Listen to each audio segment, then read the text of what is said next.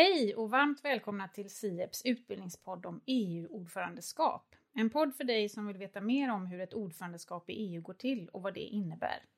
Jag heter Karin Flodal och är utbildningsansvarig på SIEPS, det vill säga Svenska institutet för Europapolitiska studier.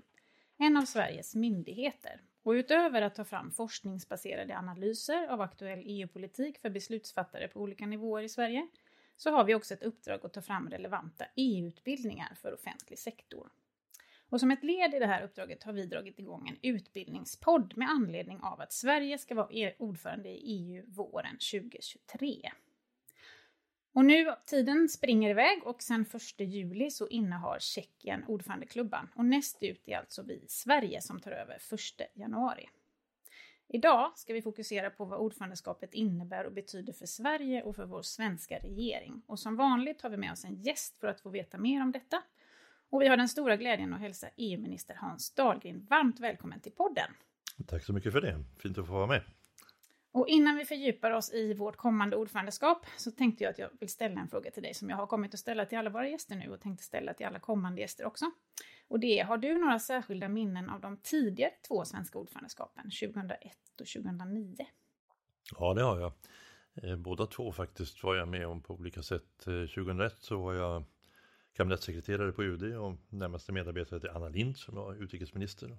Göran Persson var ju statsminister. Det var, det var en väldig entusiasm eh, att för första gången få ta tag i det här. Men jag minns också att det var väldigt jobbigt innan. Alltså förberedelserna för ordförandeskapet tog nog mer kraft än själva genomförandet. När mm. det väl kom den första januari ja. 2001 vad det var, då var det bara att köra liksom. Ja, och 2009? Då var jag eh, myndighetschef i Genève på vår representation där, jag var ambassadör. Eh, det kommer jag ihåg för det var precis det halvår då vi bytte system inom EU. Då, eh, Dublin, vad heter det? Lissabonfördraget eh, trädde i kraft den första december var det väl just det, år, det året som vi var ordförande. Och det var en stor omställning. Inte minst i Genève där vi hade väldigt många olika internationella organisationer. Och vi bytte liksom metod på vilket EU skulle vara representerat. Det. Och det var, en, det var en, ganska knöligt att vara ordförande då, kan jag säga. Ja, just det, för Lissabonfördraget började ju gälla mitt under det svenska ja, ordförandeskapet. Exakt, första december. Ja, Ja, men du, då ger vi oss i kast med det kommande ordförandeskapet. Mm. Och utifrån ditt perspektiv som EU-minister, vad skulle du säga att ett ordförandeskap i EU betyder? Det betyder att man har ansvaret för att se till att det blir resultat i det europeiska samarbetet. Alltså att man i de förhandlingar som är aktuella verkligen kommer i mål. Att man ser till att man eh, gör de kompromisser som är nödvändiga för att eh, komma till mål, för att verkligen få en lagstiftning som behövs eller komma fram till de andra ställningstagandena som är viktiga. Det här är, är ju en organisation, en union som spänner över väldigt många olika områden. Så det är klart att det krävs kompetens och det krävs förberedelser. Men det, det allra viktigaste det är ju det här att man kan föra förhandlingarna och driva dem framåt. Mm. Att avsätta resultat så att det inte bara är ett pratande mm. utan det blir också någonting bestämt. För det är ju också en stor skillnad nu då den här gången när vi har Lissabonfördraget att det är fokuserat på just ministerrådet och förhandlingarna där i, eller hur? Ja, precis. Så när vi säger ordförande i EU så menar vi ju egentligen ordförande i ministerrådet. Alltså alla de möten som ministrarna har. Eh, utom utrikesministrarna, för där är det ju faktiskt nu en permanent ordförande. Och också Europeiska rådet har ju sedan Lissabonfördraget en, en permanent ordförande som är nu belgaren Charles Michel. Precis. Och om man då eh, ska tänka lite bredare för hela svenska regeringen, vad betyder ordförandeskapet då? Det betyder också att man på varje särskilt sakområde får ett väldigt viktigt ansvar för att eh, driva förhandlingarna i mål. Och det är ju inte bara att sitta med ordförandeklubban under ministermötena. Det, det är ju inte så svårt kan jag säga, tänka. Det viktiga är ju förberedelserna. Alltså att i förväg ha de kontakter med kollegorna i de andra medlemsstaterna. Lyssna noga på kommissionen för att göra en bedömning av vad är det möjligt att eh, gå framåt? Var kan vi få en kompromiss? Var kan det bli resultat innan det här halvåret är slut? Det är det arbetet som är det mest angelägna för statsråden i, i den regering som sitter då. Mm.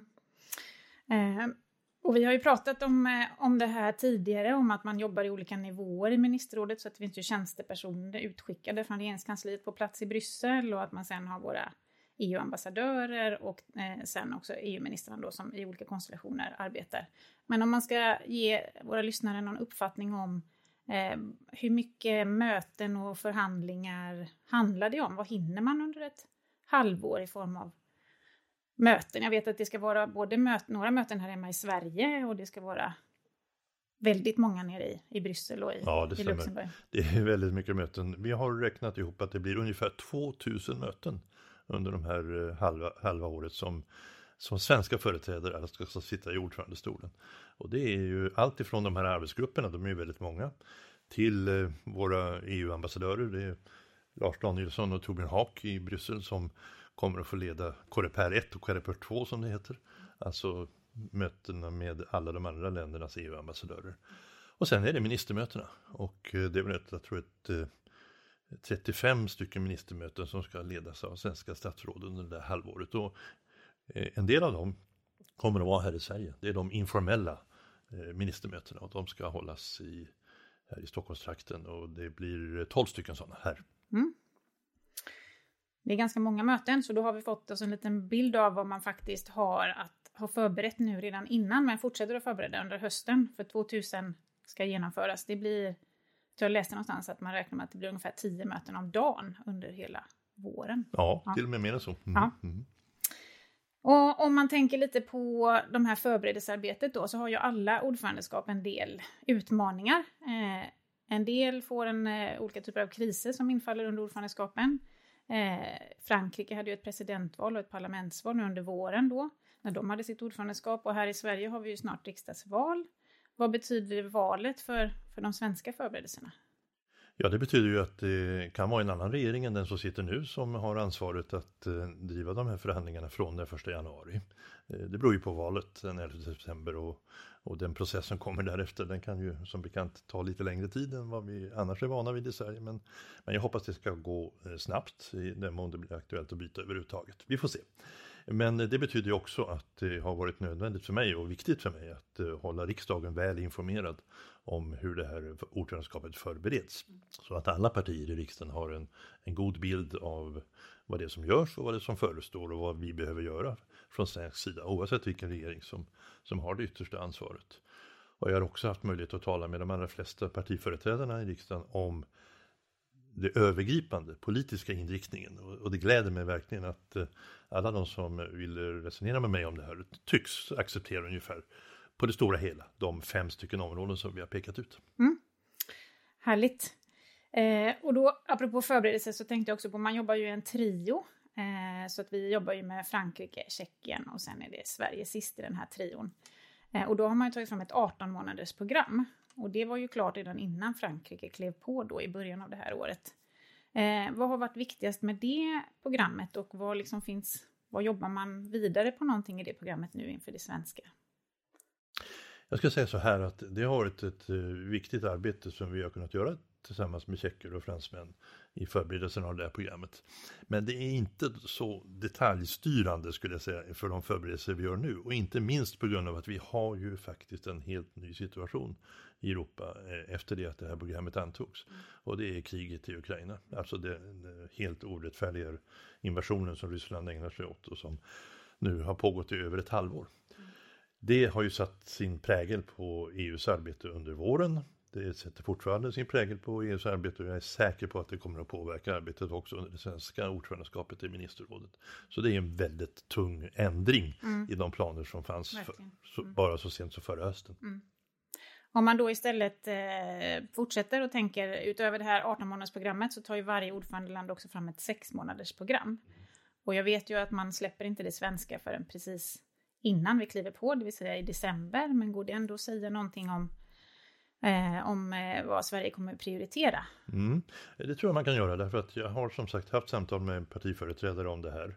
Och eh, det, vi har pekat ut fem stycken områden som är angelägna utifrån ett svenskt perspektiv att vi kan driva under de här sex månaderna. Det första det handlar om att eh, stärka säkerheten för medborgarna i Europa, naturligtvis i spåret av kriget, i spåret av den ryska aggressionen mot Ukraina. Men också sånt som har att göra med eh, migration till exempel. Det andra det är att bekämpa den eh, organiserade brottsligheten. Det är för mycket skjutningar, inte minst här i Sverige, det känner vi ju väl till. Mm. Förekommer också i andra länder. Det är för mycket narkotika som handlas över gränserna och som föder mycket av den här kriminaliteten. Det är för många vapen som är om, omlopp och det här kan vi göra mer på, för på europeisk nivå. Det tredje är klimatfrågan. Det här är ju en existentiell fråga för hela världen men där har EU legat i framkant internationellt sett och det ska vi fortsätta med för vi måste infria de här målen vi har satt upp om att bli klimatneutrala 2050 och det kommer också kunna skapa nya gröna jobb runt om i Europa. Det fjärde det är ju att skapa, att öka vår konkurrenskraft. Att se till att vi i kampen om eh, marknadsandelar med eh, USA eller Kina eller vad det kan vara också satsa mer på utveckling och forskning i Europa så att vi kan driva våra eh, industrier framåt bättre. Och det femte, det är värderingsfrågorna. Det som är så angeläget att komma ihåg att grunden för EU-samarbetet det är ju demokrati och det är frihet och rättvisa. Det är också respekt för ett oberoende rättsväsende och så vidare. Där har vi haft en del problem internt och där måste vi hålla fast vid att de här grundvärderingarna är inte förhandlingsbara. Nej. Och de här fem prioriteringarna, de har ni kommit överens om och är förankrade i, i sittande riksdag. Men det finns ändå lite utrymme för eventuellt en ny regering och ny riksdag att, att ändra inriktningen lite inom de där, eller? Ja, det är klart det finns. Det, det, här är ju övergripande och det är inte så att vi har skrivit under något dokument utan det vi har resonerat med varandra och kommit fram till att det här är Eh, det, har, det här har den, eh, den här regeringen som sitter nu, vi, har, vi, tycker att det här är angelägna områden och jag har inte hört några invändningar mot det från, från några av de som jag har talat med. Det blir spännande att läsa när det kommer i december. Eh, en annan eh, grej som jag funderade på, det var ju det där att man... Det är klart att alla medlemsländer som är ordförandeland, eh, för det roterar ju bland alla medlemsstater, vill ju känna att de har rott det i hamn på ett bra sätt och, och också att andra tycker att man har gjort det bra. Det vill säga att man lämnar ett, ett gott eftermäle efter sig. Kanske att man blir ihågkommen för något speciellt. Det, har, har, Sverige något sånt som man vill liksom håller fanan lite extra högt för? Ja, jag tror, eh, jag tror det här med att åstadkomma resultat, mm. det är det viktiga. Så det är ju fint att ha flotta möten och sådär och kunna visa upp eh, ens egen omgivningar och, och, allt vad det kan vara. Men för, för mig i alla fall så är det allra viktigaste att nå resultat. Att vi kan fortsätta att behålla enigheten inom EU i, i den här viktiga frågan om att eh, stödja Ukraina och, och, isolera Ryssland. Det är otroligt viktigt att vi kan gå vidare enigt på den fronten. Men också vad vi kan göra på klimatfrågan. Mm. Nu har vi en situation där rådet, ministerrådet, alltså regeringarnas företrädare har kommit överens om, eller fattat beslut om en uppsättning förändringar för att eh, bidra till att rädda klimatet. Europaparlamentet har fattat ett annan uppsättning beslut som delvis sammanfaller men inte helt. Och det här måste nu förhandlas ihop innan det blir färdigt, innan vi har något på pappret. Och det kan bli en väldigt viktig uppgift under det svenska ordförandeskapet. Mm. Det landar på, på ja. agendan under våren. Mm. Det är, allt talar för det. Mm. Och om vi nu tänker, nu har vi pratat om eh, hur regeringen förbereder sig och hur eh, politiker på olika nivåer också förbereder sig, framförallt i, i riksdagen.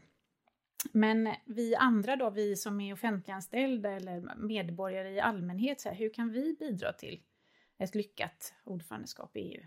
Finns det något vi kan göra?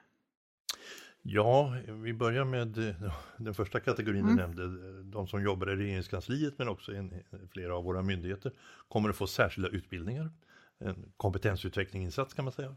För att verkligen veta hur man, hur man bäst eh, leder ett arbete i en arbetsgrupp eller vad det nu kan vara. Och det är ju många som har varit med förra gången och till och med för förra gången som, som har goda tips och erfarenheter här. Och sen är det ju våra medarbetare i Bryssel.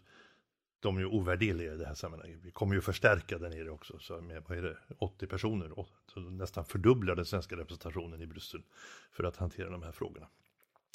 Annars så tror jag eh, att det kommer att bli mycket rapportering i media. När väl valrörelsen är över så hoppas jag att det blir lite mer fokus också på det här arbetet. Dels hur vi förbereder det, det som vi pratar om nu, men också sen när det, när det eh, hela börjar. Och vi kommer ju börja allra först längst upp i norr mm. med ett stort möte mellan hela den svenska regeringen och hela EU-kommissionen med Ursula von der Leyen i spetsen. Det är, det är vanligt, det är tradition att man i början på ett ordförandeskap har ett sånt här möte. Men, men jag tror att de är inte så vana vid att komma upp till midvinterkylan i norra Norrbotten. Nej, det blir häftigt. Ja. ja. Ja, men vad härligt. Eh, som en, eh, en kollega till oss brukar säga när han är med och håller ordförandeskapsutbildningar, att det är ju mycket som ska göras under ordförandeskapet och eh, det är mycket arbete och man jobbar mycket, men det är också lärorikt och man måste ta sig lite tid att lukta på rosenträdgården. Mm. Ja, det är någon i Vita huset har sagt någon gång. Alltså, ja. Stort tack för att du var med oss idag, Hans Dahlgren. I nästa avsnitt så kommer vi prata om vilka möjligheter ett ordförandeland har att påverka EUs dagordning. Missa inte det. Tack för idag.